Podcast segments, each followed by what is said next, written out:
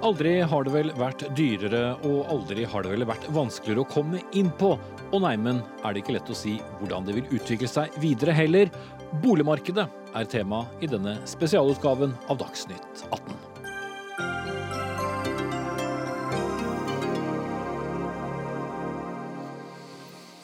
hjertelig velkommen. Her skal vi snakke om eh, boligpriser, boligstørrelser, boligpolitikk, boligfremtid og ja, boligfortid. Jeg heter Espen Aas og er programleder gjennom denne boligspesialtimen i Dagsnytt 18.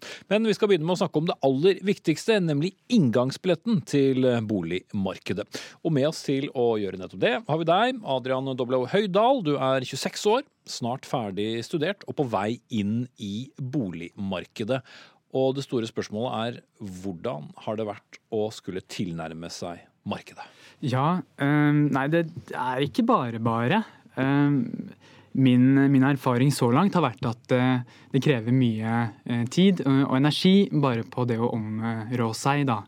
Um, og det Altså nå er, nå er, det jo ikke lenge til jeg er ferdig utdannet, og jeg vil jo gjerne flytte inn i ny bolig, gjerne selveid bolig, da, når jeg begynner i ny jobb.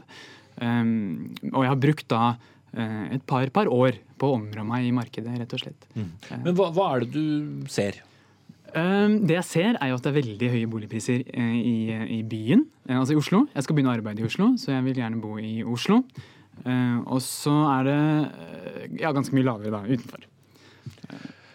Og så, som du sier, det er høye priser, og da må man også ha penger.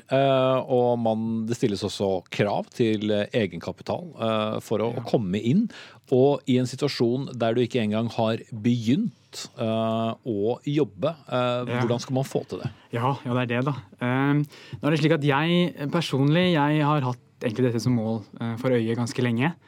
så jeg har spart opp litt egenkapital. jeg har vært heldig og hatt, hatt billig, billig bosituasjon gjennom hele studietiden, enten hos venner eller familie. Eh, så jeg har klart å spare opp litt. Eh, men jeg vet at det største problemet er gjerne egenkapitalen. Eh, og jeg har flere, flere venner og bekjente som, som, sier at det er den største utfordringen de har. da. Mm. Um, For du må ha en ganske høy prosentandel, det er det som er hele poenget, ja, av kjøpesummen. og når du skal kjøpe da en leilighet f.eks. i Oslo eller noen av de andre store byene i Norge, mm. så snakker vi om mange hundre tusen. Det stemmer. det stemmer. Jeg har jo drevet og finregnet på det og sett for meg ulike scenarioer og sånn. Eh, men det, det, er en del hundre tusen som skal til, ja. Eh, og når det gjelder for meg, så, så ser det ut til at jeg eh, Altså om, jeg skal klare å gjøre dette her uten hjelp av foreldrene mine overhodet, så, så ligger nok jeg i sjiktet på sånn jeg, jeg, kan nok muligens være med å knive om, om, de aller minste leilighetene som ligger ute. da. Og, og, hva, eh, for de som ikke er i boligmarkedet selv, hva slags summer er det vi snakker om som du må betale for din første leilighet hvis du kommer så langt? Ja, altså, jeg, eh, altså Om jeg skal stå helt på, på bar bakke, eh, så, så, er det vel mellom 2,5 og 3 millioner for, for, for ettroms. Jeg håper på Jeg ser etter en toroms, og da må man gjerne opp millionen over det igjen, da.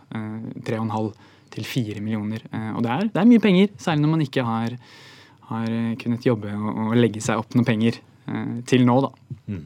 Så vi snakker altså mange ganger det du kommer til å ha i årslønn, mest sannsynlig, ja. til å, å, begynne med i ditt yrke. Ikke sant. Ja. Det stemmer. det stemmer.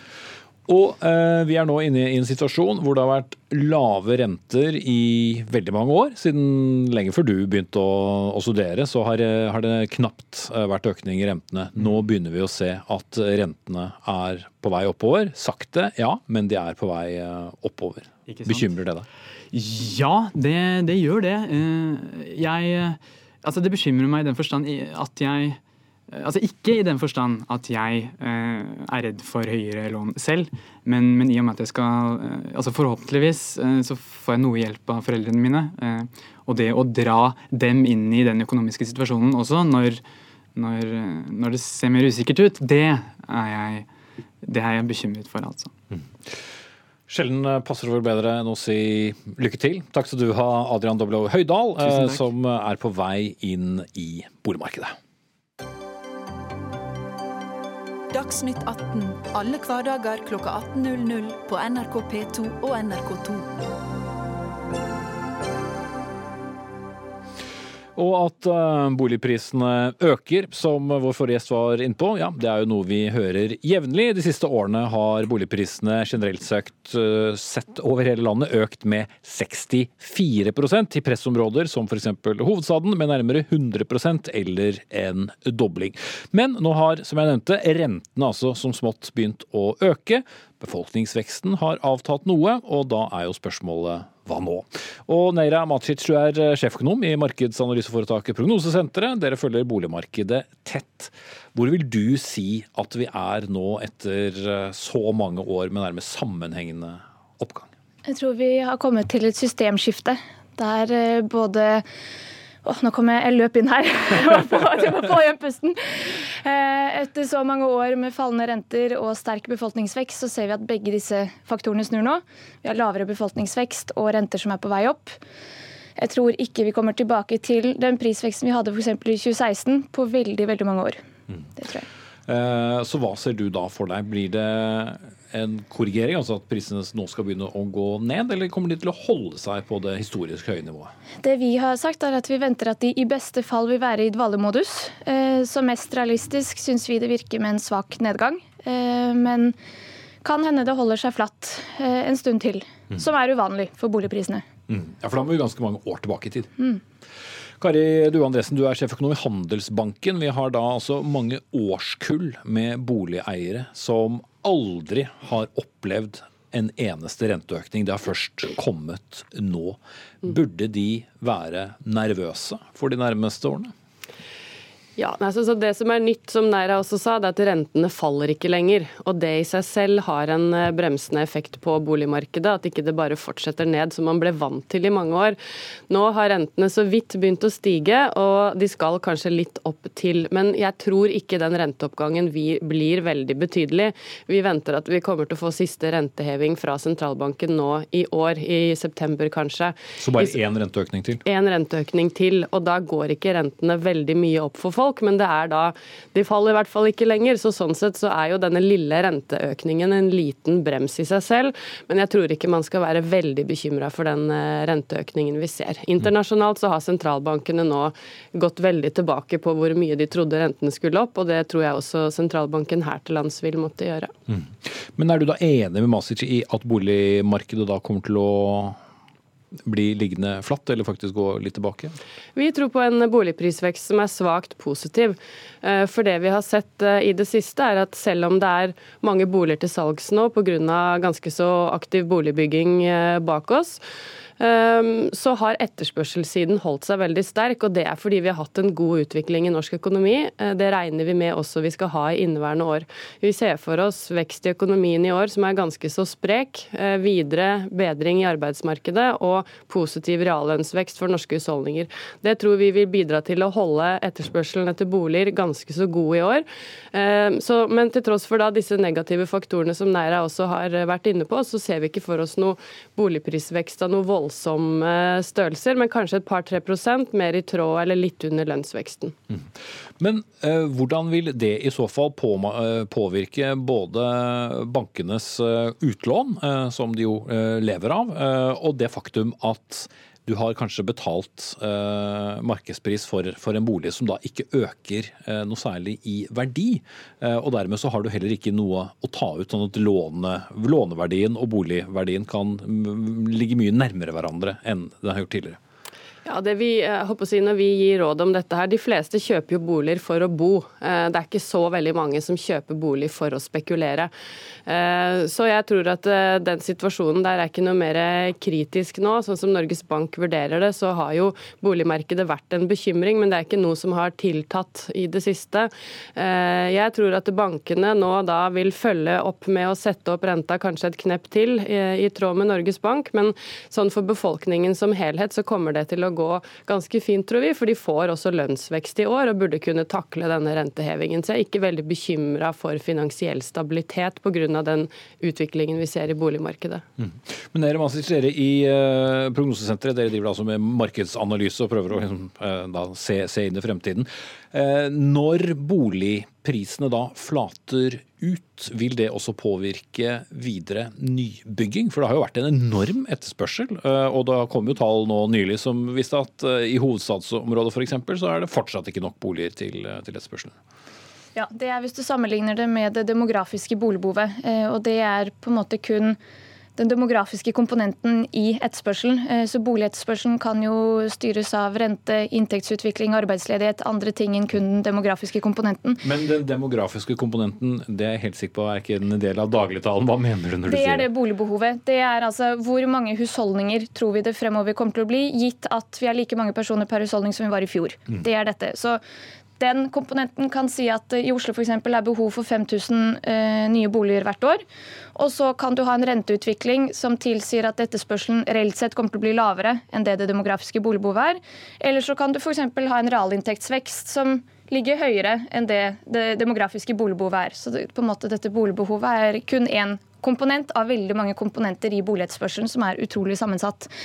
Men når det er sagt, eh, så vil denne endringen vi ser for oss i boligprisenes utvikling, ikke kun ha konsekvenser for nybyggingen, for det vil den ha, men også for fritidsboligmarkedet, altså hytter, fjellhytter, sjøhytter. Vi vet at folk tar opp lån på boligene sine. Når boligprisene stiger, så har det blitt veldig mye mer populært med rammelån. Så du, pga. at du har fått økt egenkapital, så øker du lånet ditt. Og eh, ikke bare til hytter, men også til oppussing på bolig.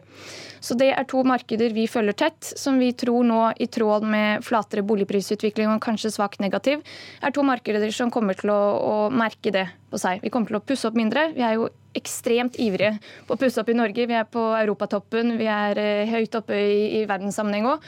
Eh, og der er det mange arbeidsplasser også. Eh, og vi tror også hyttebyggingen i takt med nyboligbyggingen vil gå ned fremover. Vi la nettopp frem prognoser nå for en uke siden, så vi tror at i snitt de neste tre årene at boligbyggingen i Norge vil være 15 lavere enn den har vært som snitt de siste tre årene.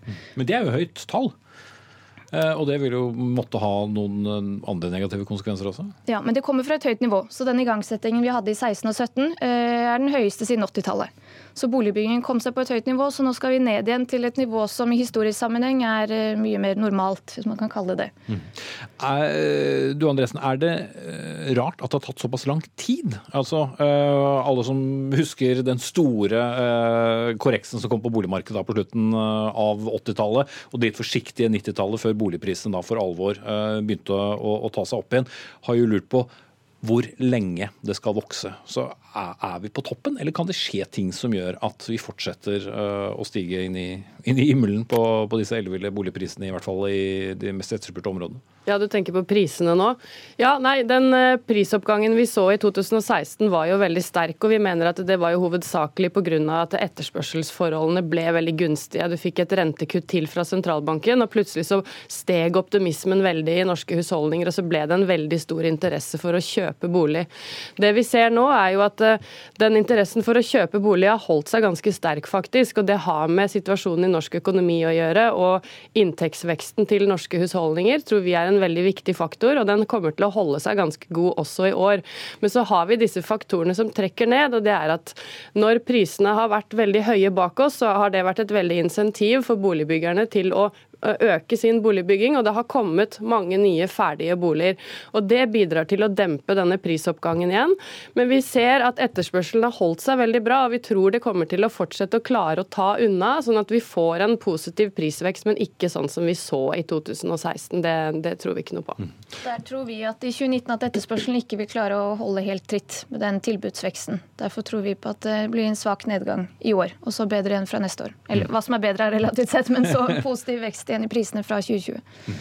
Eh, nordmenn er jo et folk som eh, i stor grad eier eh, sin egen eh, bolig. Vi har et fritt boligmarked og vi har også et fritt leiemarked. Er det grunn til å tro at det som nå skjer i boligeiemarkedet også da vil få betydning på boligleie? For det har vært gunstig også, til en viss grad i hvert fall, å kjøpe opp og leie ut.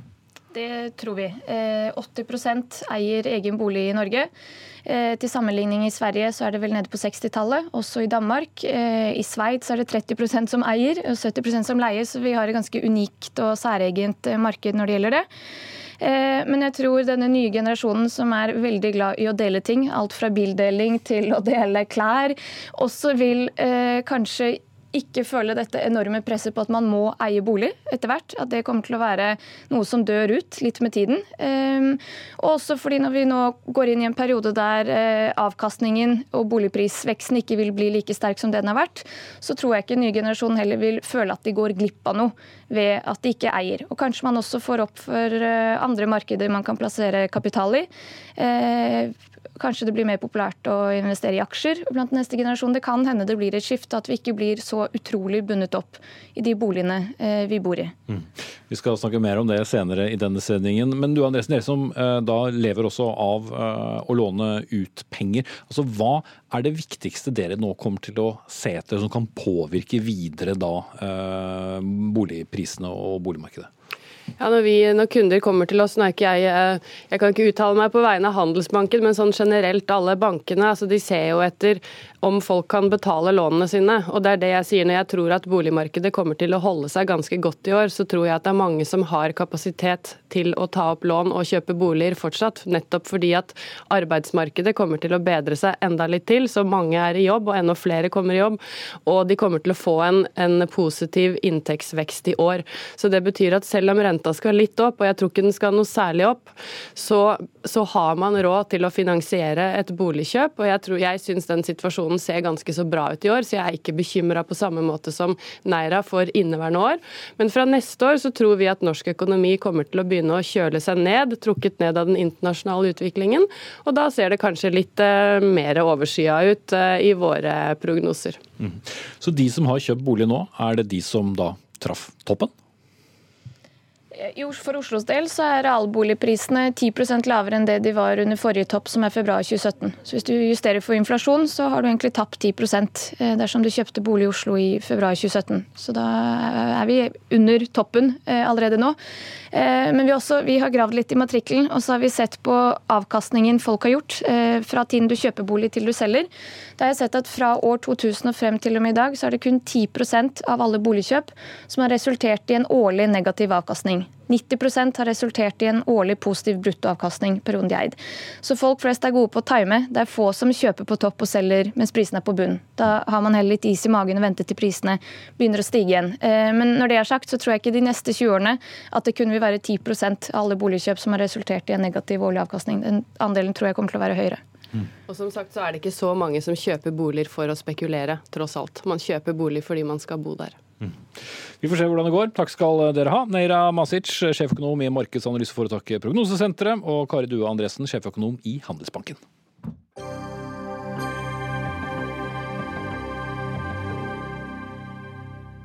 Ja, Hva en eh, bolig koster i dag, det reguleres altså av markedet. Hva er kjøper villig til å betale for det som er tilgjengelig? Og slik eh, har det vært for noen generasjoner med boligeiere nå, men ikke for alle. For frem til eh, tidlig 1980-tall ja, så var boligmarkedet strengt regulert, før da regjeringen til Kåre Willoch åpnet det opp og fjernet bestemmelser om både pris og husleie.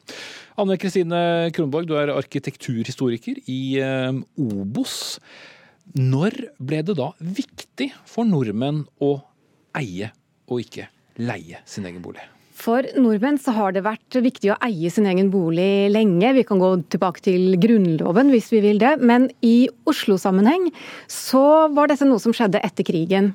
Altså Hvis vi går 100 år tilbake, 1920, da var det en boligtelling som viste at det var bare 5% av de som bodde i Oslo som bodde i en eid bolig. Så 95% leide. Og i dag er det ca. 70% som eier, og en veldig liten andel som leier. Mm. Men hvis jeg kommer tilbake til det store skillet hvor markedet ble uh, deregulert. Uh, for uh, de som ikke måtte huske et sånt marked, hvor de, ikke, hvor ikke, bare kunne gå ut og kjøpe en bolig. altså Hva, hva slags marked var det vi da snakket om? eller hvordan, hvordan, var det å skulle skaffe seg en bolig? For både var renten annerledes, norsk økonomi for all del var helt annerledes, og, og det å få bolig også. Absolutt. Alt var på en måte helt annerledes. Og det var etter andre verdenskrig. for man satte satte i gang en storstilt boligbygging som foregikk på helt andre måter. Det var de store drabantbyene, de store arealene i eh, østover og nordover for Oslo sentrum. Dette var arealer som tidligere lå utenfor byen, og som ble innlemmet i Oslo i 1948. Så da åpna det seg på en måte eh, muligheter for en boligbygging av helt andre dimensjoner. Og da bygde man opp et eh, apparat. Et eh, godt maskineri med ganske kraftige virkemidler. Det var Oslo kommune som kjøpte og eksproprierte enorme tomtearealer, og klargjorde de for boligbygging. Så var det Husbanken, som var statens viktigste verktøy, som stilte med penger. Og så var det store profesjonelle boligbyggere som bygde boligene. Obos og USBL, altså det organiserte boligsamvirket, men også en aktør som Selvåg. Men poenget var at disse boligene de var underlagt en prisregulering. Og Det ga jo mening. Dette var eh, subsidierte boliger. Tomtegrunn som kommunen eide, husbanklån subsidiert.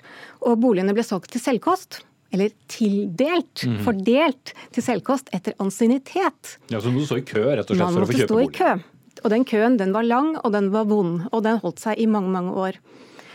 Eh, og da ga det jo mening at disse boligene ikke bare skulle være fri for spekulasjon, at man skulle tjene penger på dem. Det gjaldt jo å få folk i hus, rett og slett.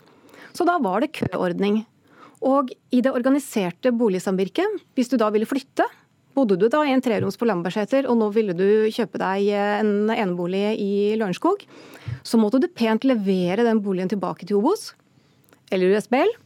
Og så fikk du da en pris som var eh, det du hadde innskuddet du opprinnelig hadde gitt, og så korrigert liksom for prisstigning og sånn. Men det var helt umulig å gjøre noen bolig, altså noe profitt. Mm. Du byttet mer bolig enn du, du kjøpte og solgte. Ja. Ja. Eh, men eh, Nå nevnte du mye, mye i Oslo her, men altså eh, markedsreguleringene var like for ja, hele landet? De var like for hele landet, men det fikk noen ekstra virkninger på en måte i Oslo. Men man kan si at det også fikk en slags eh, geografisk slagside. For det var etter hvert bare borettslagsboliger og aksjeleiligheter som var underlagt prisregulering. Mens eh, etter krigen så hadde absolutt all eiendom og alle boliger vært underlagt prisregulering. Men så ble den oppheva på 60-tallet, i 1969. Og da oppsto det at man plutselig hadde to parallelle markeder. Man hadde et fritt marked med vanlige eierboliger, eneboliger, først og fremst. Og så hadde man det regulerte markedet med borettslagsleiligheter. Og det er klart at Dette opplevdes som veldig veldig urettferdig, og det ble etter hvert et uh, tema med politisk, uh, altså et politisk sprengstoff. Mm. Terje Wester, du er professor ved Institutt for sosiologi og samfunnsgeografi ved Universitetet i Oslo. Du forsker da på ulikhet i byer og publiserte nylig forskning som viser sammenhengen mellom besteforeldres bosituasjon på 60-tallet, som vi nå har eh, snakket om, og barnebarnas bosituasjon 50 år senere. Hva var det du fant da? Nei, vi fant eh, en effekt av hvordan besteforeldre bodde i 1960 eh, på dagens boligkonsum etter kontroll for eh, sosial bakgrunn både i foreldregenerasjonen og, og blant besteforeldrene. Eh, og etter kontroll også for egen inntekt osv. Så, videre. eh, så var det en ganske sterk sånn effekt av å ha hatt besteforeldre som eide bolig, først og fremst i Oslo, men til dels også i de andre storbyene. Eh, og faktisk også eh, folk som har eh, liksom familie som på 1960-tallet var leietakere kommer bedre ut eh, enn de som f.eks. da har eh, bakgrunn fra store familiegårder eh, eh, på landet. Mm. Hvordan er det det slår ut? Ja, altså Det slår jo ut eh, på sannsynligheten for å være eier. Eh, det slår ut på verdien av den boligen du har. og så gjør vi også noen sånne undersøkelser av om dette kan skyldes kan vi si, sånn Eh, preferanser og hvordan man tenker rundt bolig, eller om det skyldes på en måte en ren økonomisk effekt. Eh, og Da finner vi at det sannsynligvis er en sånn ren økonomisk effekt. Altså at de som har denne bakgrunnen her, uavhengig av andre sosiale trekk som foreldregenerasjonen og besteforeldrene har, så har de en sånn ekstra på en måte, De får et ekstra skyv i boligmarkedet. Og det er en ganske stor effekt. Eh, for de som kommer fra besteforeldre som hadde store boliger i Oslo, så har de, før vi begynner å trekke inn disse andre kontrollfaktorene, så har de en effekt på nesten en million kroner. Mm. Så en helt annen fordel? Ja, en stor, en stor fordel. Så skal vi over til akademia òg. Berit Rene Nordahl, eller videre i akademia snarere. Du er da forskningssjef ved Oslo Met, og også fulgt da disse dereguleringene av boligmarkedet gjennom mange år. Og hva har vært det mest positive uh, utover at selvfølgelig noen har tjent uh, selvfølgelig penger som har vært uh, bra individuelt, men hvis vi prøver å se markedet som sådan, altså har det, hva, hva, har vært særlig positive effekter? Ja, det positive um, Du kan si um, det vi har sett, altså Hvis vi sammenligner oss med andre land, så, eh, så, er jo Altså, vi har mye mindre regulative virkemidler. Men når vi også ser på utformingen av boligbyggingspolitikken, så ser vi at eh, markedet har jo posisjonert seg og har tatt over en god del oppgaver. Og de er ganske kapable eh, og har klart f.eks. å framskaffe tomter langt på vei. Eh, og de har også tatt over eh, dette her med at de altså Norge er et av de få landene som har åpnet for at markedet kan foreslå detaljregulering. Altså Vi har såkalt, vi er ikke eh, offentlig planmonopol på den siste leddet i alt som skal bestemmes før du kan bygge et prosjekt. Og vi ser at markedet har evner å gjøre det. Så du kan si en positiv effekt er jo at vi, vi har veldig kapable aktører. Men så må jeg også si at de har jo utfoldet seg i en periode hvor vi har hatt en historisk prisvekst. Og hvor det kanskje ikke vi har eh, vært eh, så veldig nødt til å se på har dette med å overlate alt til markedet, har det noen negative effekter? Mm, for det var mitt neste spørsmål, selvfølgelig. Ja, ikke sant? For altså, markedet sorterer. Og jeg bare lyst til å ta et lite eksempel. Eh, det blir jo, altså Markedet sorterer, av og til sorterer det litt for godt. Og det vi gjorde da vi regulerte den gangen, det var å prøve å unngå at det skulle sortere, sånn at du fikk en, en spekulasjon for de som allerede liksom var, var i posisjon. da. Og det, noen kollegaer hos meg eh, har gjort en studie av eh, barnefamilier som flytter ut av byen. Eh, og da fant de det at 13% av de som flytter fra indre Oslo til indre øst, de har jo brukt et offentlig virkemiddel for å klare å kjøpe seg en leilighet. 13% av de med barn mellom 0 og 5 år. Og går det til de med barn mellom 7 og 17, eller med 6 og 17, så er det 26% Og da går de altså fra sentrum med offentlig støtte til de østre bydeler. Og vi har jo en delt by. Og poenget mitt i denne sammenheng er at eh, de boligøkonomiske virkemidlene ser ut til å forsterke den tendensen til å sortere hushold eh, i geografien, for å si det sånn, etter inntekt. Mm. Bare for å spørre Hva slags støtteordning snakker vi da om? Eh, I dette tilfellet var det startlån. Mm. Ja. Altså hjelp til den unge mannen for, å få, ja. for, å få, kjøpt. Som da eh, påvirker eh, markedet også? Altså det, det påvirker fordelingen i en by. Og Det er derfor vi har sett på er det noen virkemidler som andre land har i dag, som kunne være nyttig for Norge å vurdere. Og vi har jo evaluert eh, plan- og bygningsloven, et stort evalueringsprogram. Og der har vi foreslått noen eh, tiltak da, som vi kanskje kan komme tilbake igjen til. Mm. Ja, for etter da 40 år med et uh, helt deregulert marked, et stort uh, boligkrakk, må vi heller ikke glemme. Er det da på tide å sette en fot i bakken? Hvis noen tør å si noe om det? Tør å si det. Men eh, jeg tror det at altså jeg tenker at i hele etterkrigstiden så har vi hatt en distriktspolitikk på et veldig fornuftig grunnlag. Eh, distriktene de sliter med næringsutvikling. Eh, der er i utgangspunktet et relativt sånn tynt arbeidsmarked i, i mange regioner. Eh, så vi har hatt tilskuddsordninger, og vi har utformet på en måte den regionale politikken med utgangspunkt i de problemene. Eh, altså, Boligsituasjonen i Oslo og andre storbyer det er på en måte en slags speilvendt situasjon. Altså Der er det storbyene som nå har behov for politiske initiativ. Eh, mens boligpolitikken den har tradisjonelt vært utformet som en nasjonal politikk. Så trenger vi nå å se at storbypolitikken den bør utformes med utgangspunkt i problemene i de store byene. Først og fremst Oslo. Jeg kunne gi mange mange eksempler på hvilke problemer eh, det dreier seg om. Eh, F.eks. det at leieboliger i Oslo eh, de har en enorm sånn omløpshastighet. Gjennomsnittlig botid i leieboliger i Oslo er bare tre år. En annen liten detalj. Norges Bank har nylig levert en rapport som viser at de familiene som ligger på den såkalt 25. prosentilen, altså som har rundt en fjerdedel av husholdningene eh, under seg i, i, i sånn inntektsgrunnlag, Eh, de har råd til å kjøpe bare 2,5% av boligene i Oslo. Mm. Mens på nasjonsnivå så har den tilsvarende gruppen råd til å kjøpe 30 av boligene. Så det er sånn formidabel sånn mismatch, særlig i Oslo, mellom behovet for bolig eh, og det befolkningen, altså særlig nedover i inntektsfordelingen, har råd egentlig til å overkomme. Sånn at i sum også den voldsomme, desperate situasjonen som til dels er i leiemarkedet, med unge folk som flytter rundt fra bolig til bolig og ikke får noen stabilitet i studiesituasjonen osv. Alt dette tilsier eh, at man bør nå formulere en boligpolitikk som tar utgangspunkt i behovet i storbyene. For som vi har snakket om eh, tidligere, det ene er det å eie bolig, men så har vi det med, med å leie. og fordi det har vært, mange, altså vært mye penger å hente bare på det å eie en bolig, så kan du leie det ut i tillegg. og Dermed har jo prisnivåene eh, også der eh, holdt seg høyt. Men eh, det å skulle gjøre om på en politikk som har vært fri, og binde den, det er eh, heller ikke så mye empiri på hvordan det vil funke. Nei, det, det, er det ikke. Altså det som jeg som historiker syns er veldig interessant, er det å se at uh, jeg tror ikke det var noen som noensinne hadde sett for seg nøyaktig hvordan det kom til å bli.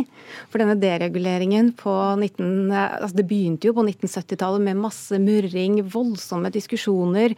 Eh, si både nedenifra, fra grasrota, fra folk som ville tjene penger på boligen sin. Andre som fortvilet så at de ikke lenger kunne komme inn på boligmarkedet, sånn som Adrian, som vi så i stad. Og fra de politiske partiene. Og det var nok ingen som kunne forutsett at det var blitt at det skulle bli sånn som det blir. Ingen som hadde sett det for seg. Og en, eh, et resultat av at man valgte denne eierlinja, var jo at man så bort ifra eierlinja. Eh, leie, en, en, potensiell leielinje.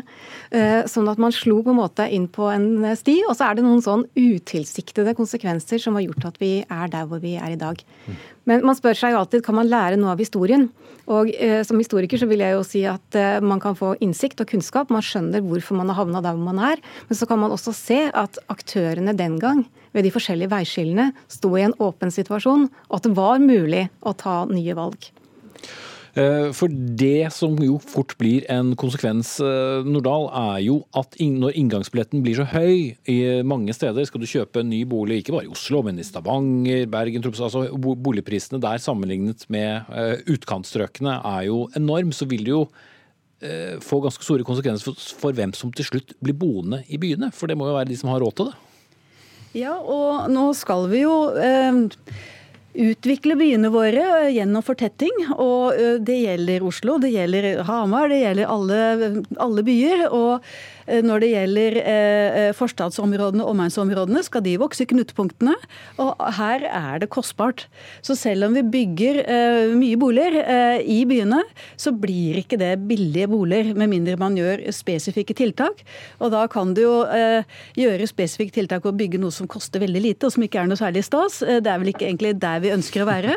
Eller du kan finne andre ordninger hvor du kan subsidiere noe av det det koster. Og det er det de gjør i veldig mange andre land.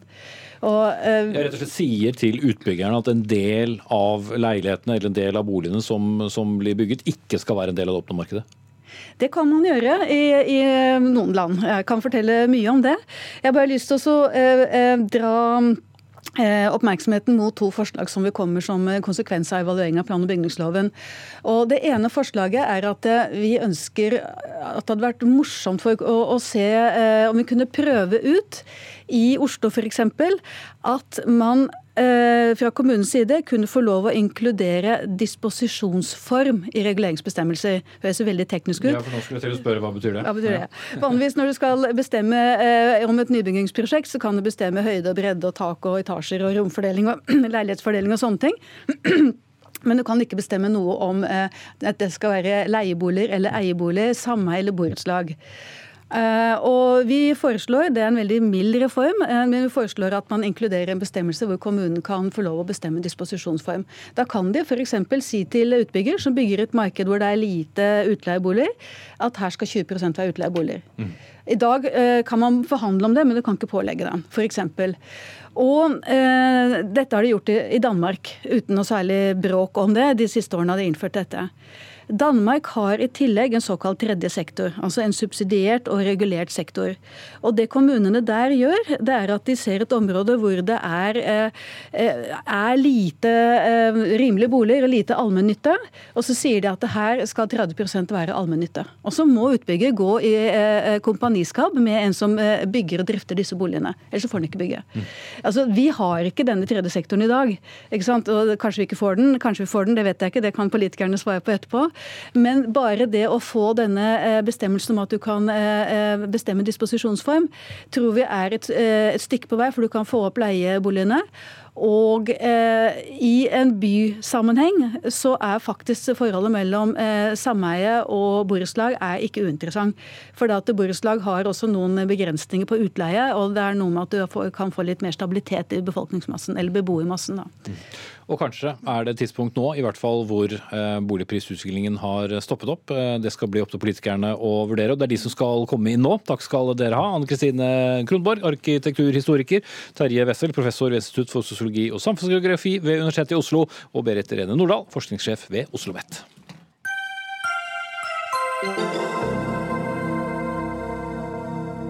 For hvem er det som bestemmer øh, hvordan boligmarkedet er? Jo, det er politikerne, det selvsagt. Det er til sjuende og sist opp til de folkevalgte å bestemme om vi skal ha et regulert eller deregulert marked, eller kanskje noe midt imellom. Og på Arbeiderpartiets landsmøte for kort tid siden så ble følgende vedtatt. Nemlig at kommunene må legge til rette for kommunale tomter og rimelige boliger for førstegangsetablerere og studentboliger. Og også at kommunene i samarbeid med aktører, som, aktører snarere, som som boligbyggelagene bygger boliger og selger dem til forhåndsdefinert pris til førstegangskjøpere. Arbeiderpartiet vil gjenreise den sosiale boligutbyggingen, som det står. Og Siri Gåsmyr Staalesen, du er stortingsrepresentant for nettopp Arbeiderpartiet og medlem av kommunal- og forvaltningskomiteen. Er det dere sier, at vi må begynne å regulere boligmarkedet mer enn det i dag? Nei, det er ikke det vi sier. Det vi sier er at det aller viktigste for oss er at vi skal legge til rette for å eie framfor å leie. Forskjellen mellom de som eier og de som leier er i ferd med å bli en av de største ulikhetsfaktorene i samfunnet vårt.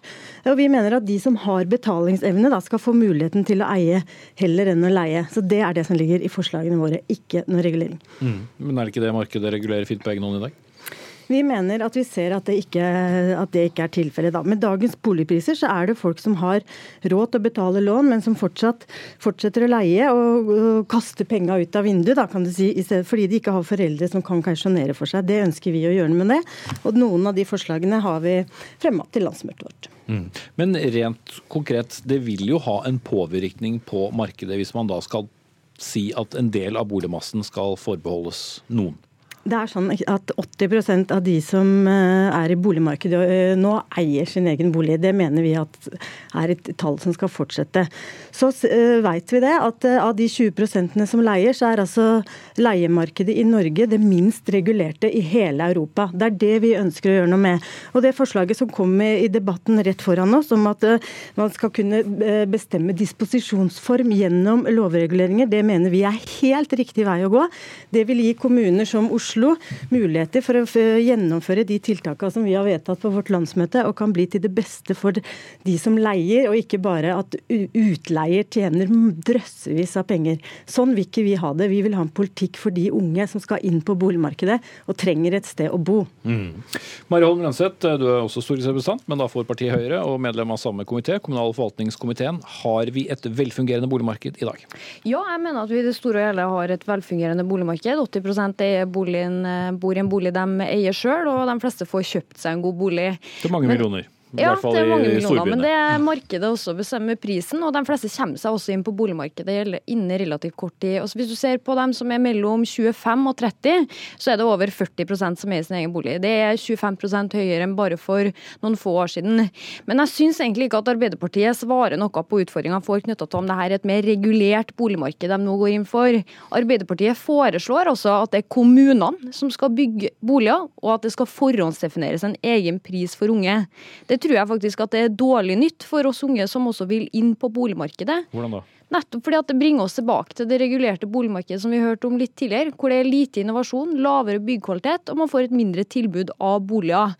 Da mener jeg at det er viktigere at heller vi setter i gang flere tiltak for at flere kommer seg inn på boligmarkedet. For det er jeg helt enig i, at mm, selv om det fungerer ganske godt Nei, det er noe av det viktigste, tror jeg, er fremover at vi gjør det raskere, enklere og billigere å bygge boliger. Da tror jeg noe av det viktigste er at vi fulldigitaliserer byggeprosessen, og at vi fortsetter å gå gjennom byggekostnadene. Vi har allerede gjort endringer som som har fått ned byggkostnadene på enkeltboliger med over 100 000 kroner. Men jeg sier ikke at jobben er gjort med det. Jeg mener også at det er et viktig ansvar for kommunene at de regulerer nok til bolig. Det er et politisk spørsmål. Det ser jeg at det er noen byer som ikke er gode nok til, siden igangsettingene har vært veldig høyt. Men det er veldig viktig for å få kostnadene ned. Mm. Det er tilbake til Staalesen. Lønnseth mener du vil regulere boligmarkedet? Ja, det er jeg helt uenig i. Også da, når det er sånn at 100, boligene har blitt 100 000 kroner billigere, hvem har putta dem i lommene sine? Det er i hvert fall ikke de unge boligkjøperne. Eh, så det mener vi at eh, det er det vi vil gjøre noe med, da. Mm. Men du må likevel på... gripe litt inn i markedet. Det er ikke sånn at eh, markedet fortsetter helt på egen hånd, hvis ja, da kommunen også skal for... gå? Ja, beklager. Ta det forslaget som kom her i stad, om at vi tar inn i plan- og bygningsloven eh, muligheten for å ha disposisjonsform. Da har du altså en eh, utbygger som tjener masse penger i dag. Eh, så får han et pålegg fra kommunen om at noen, en liten prosentandel av de boligene han skal bygge i sitt prosjekt, skal forbeholdes unge, leie-til-eie-varianter. Jeg tror ikke at det kommer til å spenne beina under den boligutbyggeren. Jeg tror tvert imot at det vil hjelpe de unge som har betalingsevne i dag, men som ikke får mulighet til å eie fordi de ikke har foreldre til å stå bak og gi dem være kausjonist minst mulighet til å eie framfor å leie. Så er det noe med eh, de vanskeligstilte. Det er sånn, Tallene viser altså at det, det, du er eldre nå når du førstegangsetablerer deg enn bare for to år siden. Tall viser også at det er færre vanskeligstilte som får mulighet til å kjøpe og eie sin egen bolig nå enn bare for to år siden. Dette er tall fra SSB som de lanserte før sommeren i fjor. Mm. skal ta inn en tredje person her som uh, driver nettopp med byutvikling, nemlig Hanna i Markussen for Miljøpartiet De Grønne. Du er byråd for byutvikling i Oslo eh, kommune. Men selv om man, altså Dere sitter jo da med makten i, i eh, koalisjon her. Hvilke muligheter har dere egentlig for å regulere det markedet som dukker opp i alle diskusjoner, nemlig Oslo-markedet, fordi det er, er så dyrt? Per i dag så er det begrensede muligheter vi har for å regulere det. og Situasjonen i Oslo er uh, spesiell, selv om det er en problematikk som også når jeg snakker med kolleger fra Bergen og Trondheim og Stavanger, også gjelder der. Uh, men i Oslo så er det sånn nå at en enslig sykepleier f.eks. vil kun ha råd til å kjøpe 5% av boligene i Oslo. og Det er gjerne de boligene som er lengst fra sentrum, og hvor det er flest om beinet for å få tak i de boligene. Så det er åpenbart at markedet fungerer for ganske mange, men stadig større andel i en by som Oslo, så fungerer ikke markedet godt nok. Og Det er et problem selvfølgelig for den enkelte, men det er også et problem for oss som større byer, fordi vi står i fare for at vi som byer kun blir for de rike, og da mister vi mye av mangfoldet i byer. Derfor så har vi i Oslo eh, jobbet ganske lenge med å begynne å snu boligpolitikken og få tilbake en sosial boligpolitikk, fordi vi ser det er et behov. Vi ser at så å si alle andre europeiske storbyer har en mye mer omfattende sosial boligpolitikk. Men hva ville du gjøre da? Så da må du jo på en måte gripe inn noen, i det markedet som er i dag. Nå må man gjøre det. Og så er det det med hvilke virkemidler vi som kommune har. Eh, vi, har. vi kommer snart til å gå i gang med noen piloter for å teste ulike modeller, men vi ser at mye av utfordringen utfordringene her er at ikke vi har noen nasjonale virkemidler. Vi har ikke et lovverk som er tilpasset det. I andre land så kan man f.eks. bruke plan- og bygningsloven, f.eks. i Storbritannia, til å pålegge utbyggere å bygge et visst antall rimeligere boliger. Man har også tilpasset eh, lovverk til eh, ikke-kommersielle boligstiftelser, som da har et mye mer eh, forutsigbart og stabilt leiemarked enn det man også finner i Oslo, som også ble nevnt tidligere her. Så det er en mulighet. Man, vi kunne gjerne tenkt oss flere virkemidler og mer satsing på Husbanken, eh, ja, Så det var lettere å få statslån. Siste poenget mitt her.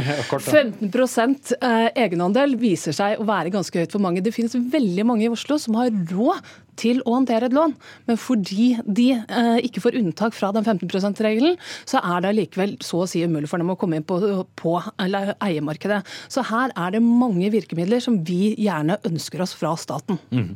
Ja, og det er da ditt parti som sitter eh, i hvert fall i deler av regjeringen, Mariholm eh, Lønseth. Men hva slags negative konsekvenser ser du eventuelt ved at man da griper inn og lager f.eks. Eh, krav til utbyggere om at så så mange leiligheter skal forbeholdes kommunalboliger eller lav, eh, lavprisboliger? Altså det som er negativt med det, gjør at man isolerer deler av boligmassen til dem som kanskje er vanskeligstilt. Jeg mener at det ville vært mye viktigere å spre den boligmassen i mye større grad enn det man har gjort i dag. Det er ikke sånn at kommunene sitter uten virkemidler til å sette i gang boligsosialt arbeid. De har veldig veldig mange virkemidler for det. Jeg mener Noe av det aller aller viktigste kommunene kan gjøre, er å sette i gang mange flere leie-til-eie-prosjekt. Sånn at mange av de vanskeligstilte som i dag leier bolig av det offentlige, får mulighet til å eie den. Mm, kjøpe boligen de leier. Rett og slett.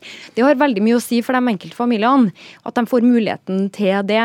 Det tror jeg vil være det viktigste. Og så får man heller sørge for at man gjør endringer i regelverket som gjør at utbyggerne bygger billigere hele, over hele fjøla, fremfor at man legger det til rette bare for noen små andeler av boligene. Så mener jeg også at de endringene vi har gjort, viser at igangsettingstakten har gått dramatisk opp, samtidig som også boligprisene går ned. Det mener jeg at det er positivt, og det mener jeg også at gjør at de 100 000 kronene billigere i byggekostnader kommer unge og førstegangsetterpåere til gode. Men som dine to motdebattanter har påpekt, ser ikke du også en fare for at eh, de nære bysentrumene i Oslo, i Stavanger, i Trondheim og, Bergen og for så vidt andre steder, Sandnes andre steder, likevel kan bli måte, millionærstrøk, da, for å bruke et topplig uttrykk. Men altså de som har råd til å, å, å kjøpe det, er én uh, type mennesker, nemlig de som har mye penger.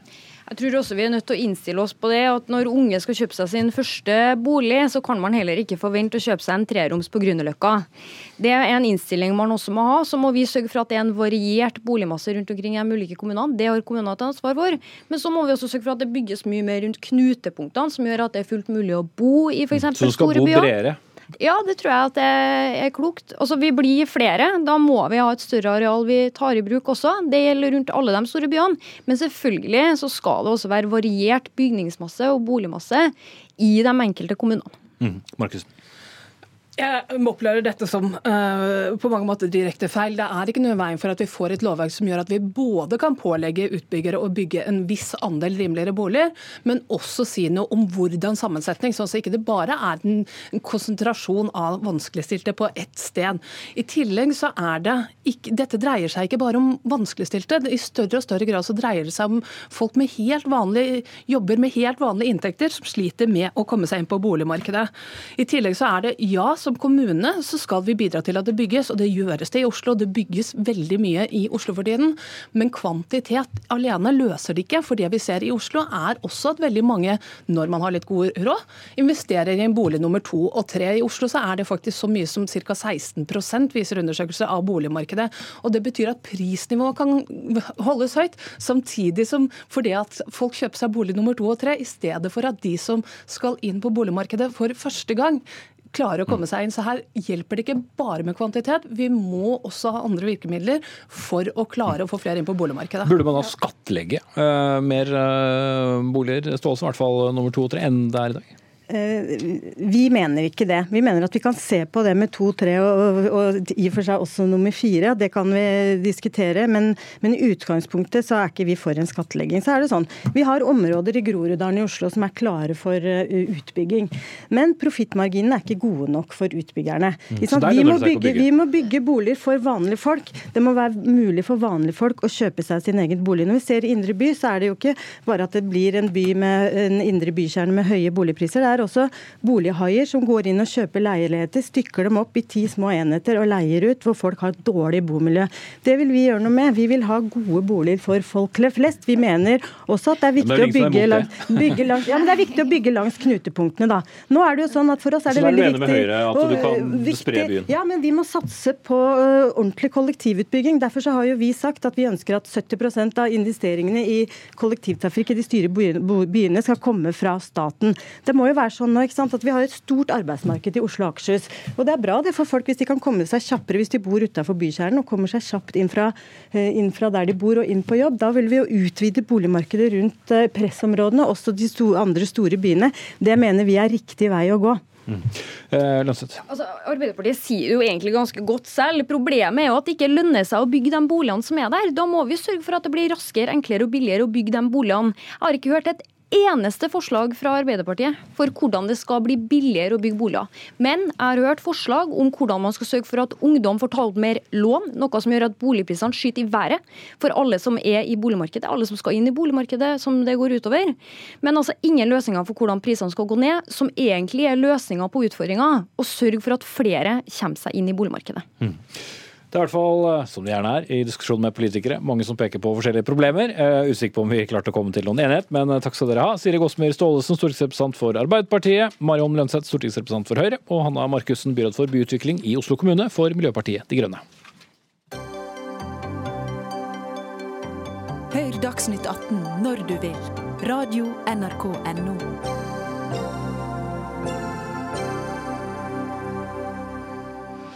Ja, leilighet i byen eller en enebolig utenfor. Det er vel gjerne slik vi snakker om det. Og ingenting er jo som hjemme, hvor enn hjemme måtte befinne seg, som kjent. Men også dette endrer seg stadig. For i byene bor man tettere, høyere og mer annerledes. Eh, og det blir flere tettsteder, men likevel vil kanskje mange si at vi bor mer ensomt enn før. Siv eh, Helen Stangland, du er arkitekt i firmaet Helen og Har. Dere har forsøkt å endre litt på måten vi bor på i noen prosjekter. Hva, hva har dere gjort? Altså, vi har, eh, etter å ha bygd veldig mange boliger, eh, sett at det er på en måte mange behov som ikke dekkes i vanlig boligbygging. Som? For eksempel så er vi Vi ser nye familiemønstre helt klart. Vi ser at det er eldre som er eh, friske eh, mye lenger, og som er, det er mye ensomhet i samfunnet. Eh, vi ser at det er familiesituasjoner som er helt nye. Eh, det er òg en opp... Altså, det er en hel, altså i, opp... i, den forstand at vi har din og min og felles barn, f.eks.? For eksempel, ja. Og så ser vi også at det er eh, en hel generasjon som er opptatt av miljø. Og vi bygger ikke miljøvennlige boliger. Og så bygger vi veldig ensartede boliger. Så jeg tror eh, grunnen til at vi eh, tok fatt i det å spørre oss hva er fremtidens bolig, eh, sammen med en investor som kom til oss og spurte samme spørsmål, er hele den bakgrunnen. Mm. Eh, og et prosjekt som dere da har laget i Stavanger, er da noe som heter Vindmøllebakken. Og for å prøve å sette oss inn i hvordan lever man der sammenlignet med et borettslag eller et sameie et annet sted i samme by? Ja, i Vindmøllebakken så bor vi 40 eh, enheter eh, rundt fellesarealer. 500 eh, kvadratmeter faktisk, som vi eier sammen. Eh, så vi bor på litt mindre. Alle, leilighetene er sånn 10-15 kvadratmeter, kanskje mindre enn det som andre toroms, treroms ville være, men vi har da tilgang på fantastiske fellesarealer. Så dere tvinges til å være litt mer sammen? Ikke overhodet. Vi har alt vi trenger i vår enhet. Det er veldig eh, basert på frivillighet, dette eh, fellesskapet. Eh, men vi har jo på en måte studert dette i ni-ti år før denne piloten ble satt eh, ut i virkeligheten, og vært og besøkt andre måter å bo sammen på, dele på. Eh, så det har jo vært en, en innovasjonsprosess å komme fram til det vi har gjort, og vi har brukt mye tid på å forstå hva som skal til for at man tør å ta skrittet ut i å bo mer sammen. Mm. For det tryggeste er jo at det etablerer seg. Det er jo alltid det. Eh, men nå viser det seg at det er en enorm interesse eh, i markedet. Men er da dette, nå har vi snakket så mye om priser, ja. vil dette også da være prosjekter som vil være forbeholdt eh, de som har penger til å prøve noe nytt? Det er ikke noe dyrere å bygge et bofellesskap. Det kan tvert imot bli rimeligere. Men hele ideen her er jo å prøve å skape et, et mangfoldig um, bomiljø hvor det finnes disse synergiene mellom forskjellige aldersgrupper, mennesker med, ulike interesser. Eh, og det er da det blir et selvorganisert, rikt eh, eh fellesskap. Da trenger vi òg å kunne differensiere prisene. Og vi ser jo at utfordringen er å få til det da, i et kommersielt marked. Men den ideen, eller modellen, har faktisk fungert på det kommersielle markedet. Her var det ikke en gjeng med venner som kom og, og, og flyttet sammen. Her og kjente ingen hverandre eh, på forhånd. Mm, vi kjenner hverandre sikkert mer nå. Erlend Dock Holm, førsteamanuensis ved Institutt for markedsføring, økonomi og innovasjon ved Høgskolen Kristiania. Du har jo da jobbet særlig med det som vi kaller for urban vekst, da, og, og hvordan eh, vi bor. Har det endret seg spesielt mye? Ja og nei. Altså, I Norge så var det slik at etter annen verdenskrig så ble boligdrømmen den ble eneboligen, og livet skulle avsluttes, boligkarrieren skulle avsluttes i enebolig. Eh, det vi ser i dag, er at eh, boligkarrieren skal i veldig stor grad avsluttes i leilighet. Så mange er innom en enebolig. Eh, og vi ser jo at folk flytter litt mer, og de skifter oftere bolig. Og bolig er ikke lenger nødvendigvis et livslangt prosjekt. da. Og ikke realisering av alle dine private drømmer heller. Ikke for alle, i hvert fall. Så det er på den måten vi kan forklare den enorme befolkningsveksten i f.eks. Oslo. Altså Oslo hadde 435 000 innbyggere i 1985. Nå er det 670 000 innbyggere. Eh, så byen har vokst noe helt voldsomt. Og mesteparten av den veksten har skjedd gjennom at det har blitt bygget leiligheter i områder der det tidligere var industri. Eh, Skøyen, Nydalen, Aker Brygge. For de som kjenner byen. Det er mange ja, som ikke kjenner byen men, også. Men sånn er det i Tromsø, sånn er det i Trondheim, sånn er det i Bergen at vi har fått Samfunnet har endret seg, industribedriftene har flyttet ut av bysentrumene, og så har dette blitt arealet for boligbygging. Mm. Og så er det kanskje litt som eh, Stangeland snakker om, at vi kan bo eh, flere hundre mennesker eh, sammen, og ingen aner hvem noen er. Ja, altså noe, Et annet karaktertrekk ved det norske samfunn egentlig de siste hundre årene er jo at familiestørrelsen er blitt stadig mindre. Eh, og det er klart at det å være alene når man blir eldre, kan Eh, ikke bare være en velsignelse. Og det er også mange unge mennesker som er forholdsvis mye alene. og Etableringsalderen er lavere etc. Så det er klart at eh, det vi ser når vi ser på studier av vellykkede bomiljøer, så ser vi at de kjennetegnes av at de har gode såkalte halvprivate soner. Altså Hvis du f.eks. bor i et rekkehusstrøk, så vil du se veldig mye av det. At det er veldig høy kontakt mellom naboene, større enn i et eneboligstrøk.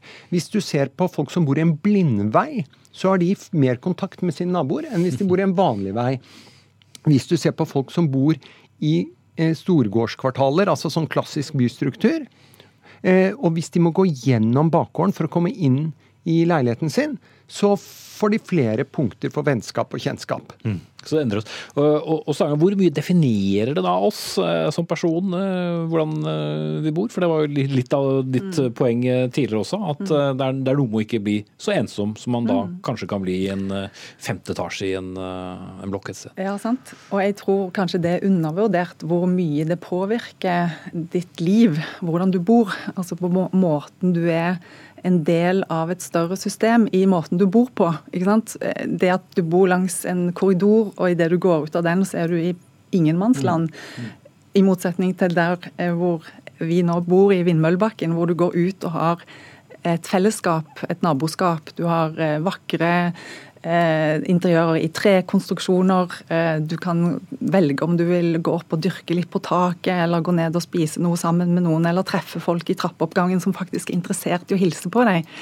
Det utgjør jo en fantastisk annen livsglede i hverdagen. Mm. Men, men, er det mulig å realisere i de etter hvert tettere byene vi bor i i dag? Da, hvor i hvert fall mange steder bygger vi bare oppover og oppover, og kanskje blir man mer anonymisert? Jeg tror jo dette er akkurat et eksempel på at det går an. da. Dette er et uh, bygd i en uh, helt tett urban uh, situasjon i Stavanger. med de, bolig, altså de tomteprisene man hadde den gangen, og med de samme bolig, altså ut, utbyggingsprisene som fins. Det er ikke noe annerledes enn noe annet. Man har tatt et annet valg.